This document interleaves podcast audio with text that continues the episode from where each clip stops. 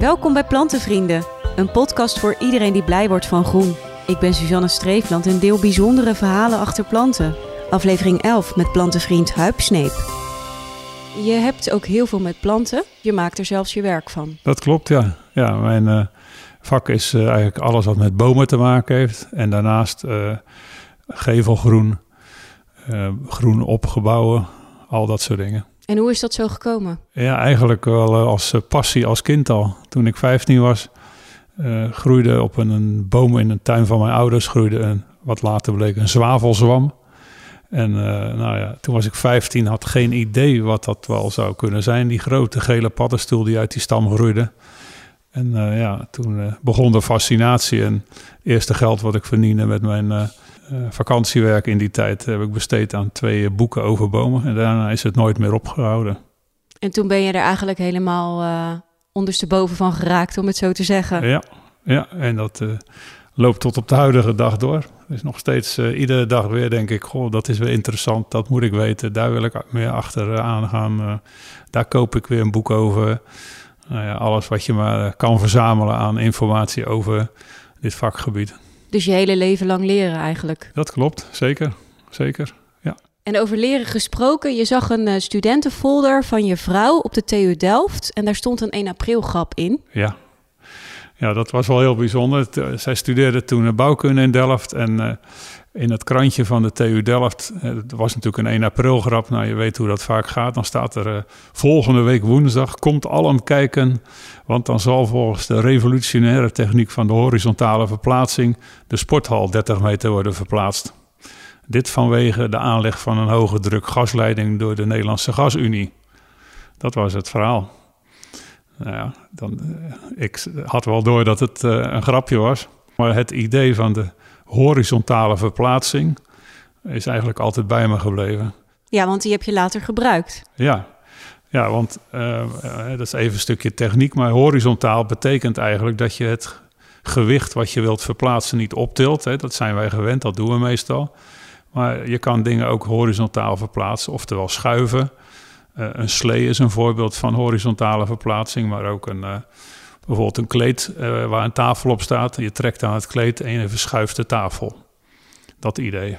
En wat wilde jij met het idee? Want het gaat uiteindelijk om een kastanjeboom. Ja, nou, in 1995, inmiddels had ik toen al een flink bedrijf, toonaangevend bedrijf op het gebied van bomen. Toen vroeg de gemeente Den Haag, een klant van ons, vroeg we hebben hier een reusachtig grote kastanje staan op de Koekamp.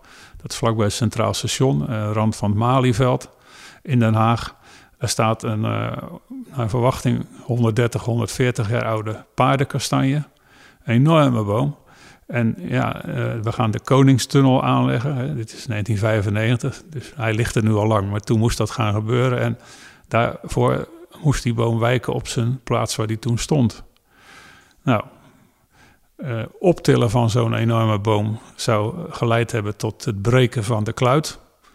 He, die, die wortels met die grond die daar aan de stam hangen, dat kan een bepaald maximum hebben, maar dat, daar zou deze boom ver overheen gaan. Oftewel, als je de kluit klein genoeg zou maken om wel te kunnen tillen, zouden zoveel wortels vers, uh, verdwijnen dat de boom het niet zou overleven. En toen dacht jij ineens weer aan die 1 april grap. Ja, ik denk, want ja, tillen is niet nodig.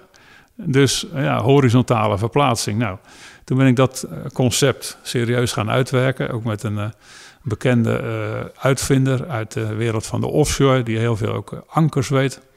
En hebben we dus het concept bedacht waarbij we die boom een kluit konden geven van 10 bij 10 meter. Dan moet je even denken aan de boom erbij een gewicht van ongeveer 200.000 kilo. Zo.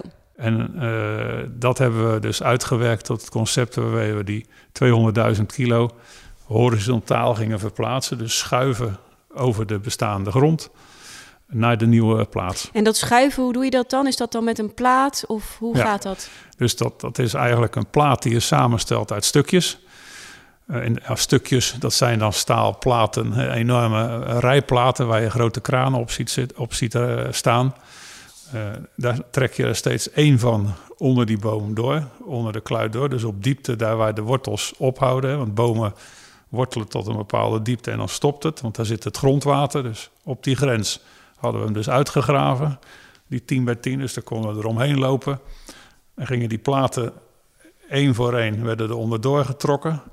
Nou, dan op een gegeven moment lagen er dus tien van die platen naast elkaar van ruim 10 meter lang. En toen hebben we die tien platen aan elkaar ge, uh, gekoppeld. Uh, een end verderop een anker uh, in de grond gegraven. Kabel en lieren ertussen. En toen kon zo de boom door een sleuf, ja, want een sleuf van de oude naar de nieuwe standplaats gegraven, kon die zo horizontaal verplaatst worden. In ongeveer anderhalf uur tijd stond hij op zijn nieuwe plaats. Zonder enige beschadiging? Ja. Is nog steeds helemaal kerngezond nu? Ja, sterker nog, de gemeente Den Haag, uh, uh, spreek ik nog regelmatig, die zegt het is de gezondste kastanje van Den Haag. En waarom wilde Den Haag deze kastanje sowieso behouden? Het was een boom met een enorme historie. Hij was meer dan 100 jaar oud. Uh, hij had in de oorlog ook een hele belangrijke rol gespeeld. Toen was de kroon grotendeels eraf gezaagd om het hout te kunnen opstoken voor, in de kou van de winter. En die volledige kroon was weer teruggegroeid tot, uh, om even een idee te geven, 30 meter doorsnee. Dus echt mega groot voor een stadsboom. En 20 meter hoog. Dus hij had weer een enorme kroon. Uh, en uh, ook om het feit dat het Malieveld is en de Koekamp. Nou, dat is sowieso een plek waar veel Hagenezen uh, echt iets mee hebben.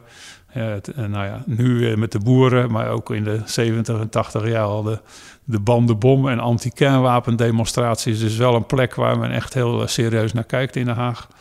En ja, bewoners hadden al gezegd, die boom mag niet weg. Dan moet die tunnel maar niet doorgaan. Maar die moest er ook komen. Dus ja, toen dachten ze, zou het kunnen? En er waren heel veel negatieve gedachten over dat het niet zou lukken. Maar ja, onze horizontale verplaatsing, de aprilgrap, die bleek toch realistisch. En uh, toen lukte het uiteindelijk ook twee jaar later, uh, nadat we die opdracht hadden gekregen, is die dus in 1997 in maart uh, door ons verplaatst. En wordt dat nu meer toegepast? Ja, ja die, die techniek is op allerlei plaatsen toegepast. Vaak nog veel vergaander dan die eerste. Dat was eigenlijk wel een enorme uitdaging, ook voor mij persoonlijk. Ik ben er echt wel drie, vier weken gewoon dag en nacht mee bezig geweest om het allemaal voor elkaar te krijgen. Maar toen het eenmaal gelukt was, hebben we bijvoorbeeld ook bomen verplaatst over nog veel grotere afstanden. En dan uh, niet door een sleuf, maar dan maakten we een helling. En dan kwamen ze dus op het niveau van de straat, uh, kwamen ze dus omhoog uit die put waar ze normaal in staan legden we zand op de straat. En dan gleed die boom gewoon over de straat. Naar de volgende straat ging die rechtsaf een zijstraat in. En daar weer naar, een park en verderop. Ook dat soort verplaatsingen hebben we gedaan. Tot zelfs uh, in Amerika een uh, boom die op zo'n onderstel van zijn Space Shuttle... Een enorm platform waar die Space Shuttle op naar buiten gereden wordt als die gelanceerd wordt. Hebben we in de buurt van New York ook zo'n soort actie gedaan. Die reed dus op dat onderstel uh, meer dan twee kilometer dwars door een uh, vallei heen naar zijn nieuwe plaats. Dus je wordt nu gewoon wereldwijd gebeld als pionier van de horizontale verplaatsing, wat met een 1 april grap is begonnen. Ja, daar komt het wel op neer. ja. ja. En ja, als je er dan in gaat verdiepen, dan ontdek je dat het natuurlijk helemaal geen nieuw idee is. Want uh, de, een van de theorieën over het bouwen van de Egyptische piramides, dat zijn natuurlijk ook qua steenmassa ontilbare elementen. En een van de theorieën is dat ze dus vroeger die piramides hebben gemaakt door steeds een steenblok tegen een helling op te trekken en dan op zijn plaats te sjouwen.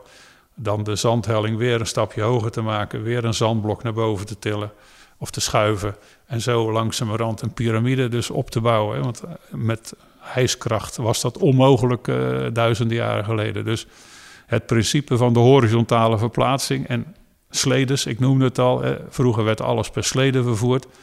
Ja, een slee is ook een vorm van horizontale verplaatsing. Ja, maar je moet er maar weer even opkomen en de koppeling maken. Dat is het, ja. Ja, en ik zit hier trouwens in Schiedam, echt prachtig, in een huis van 1780. Je hebt ook een prachtige tuin. En daar staan onder andere twee Afrikaanse lelies. En daar heb je ook een stekje van voor in de plantenbiep. Klopt, ja. Als je die, uh, als je die opzoekt op internet, hè, de Latijnse naam is Agapanthus. En hij staat nu in bloei. Er zitten twintig bloemen in, in de, de moederplant, zeg maar, waar deze van komt, die stek. Nou, die is ongeveer anderhalve meter doorsnee, die plant. Knalblauw, echt imposant. En uh, het enige is, je moet hem winters binnenhalen. Dus als je de stek goed uit laat groeien, moet je wel een plek hebben waar in de winter vorstvrij de plant bewaard kan worden. Want 1 graad vorst en hij is er geweest. De plantenbieps die zijn te vinden op plantenvrienden.nl. En op Instagram deel ik de updates van alle stekjes die mijn gasten weggeven in deze podcast. Heb je zelf een verhaal te delen? Dan kan je dat mailen naar podcast.plantenvrienden.nl. Leuk dat je luisterde en tot de volgende aflevering.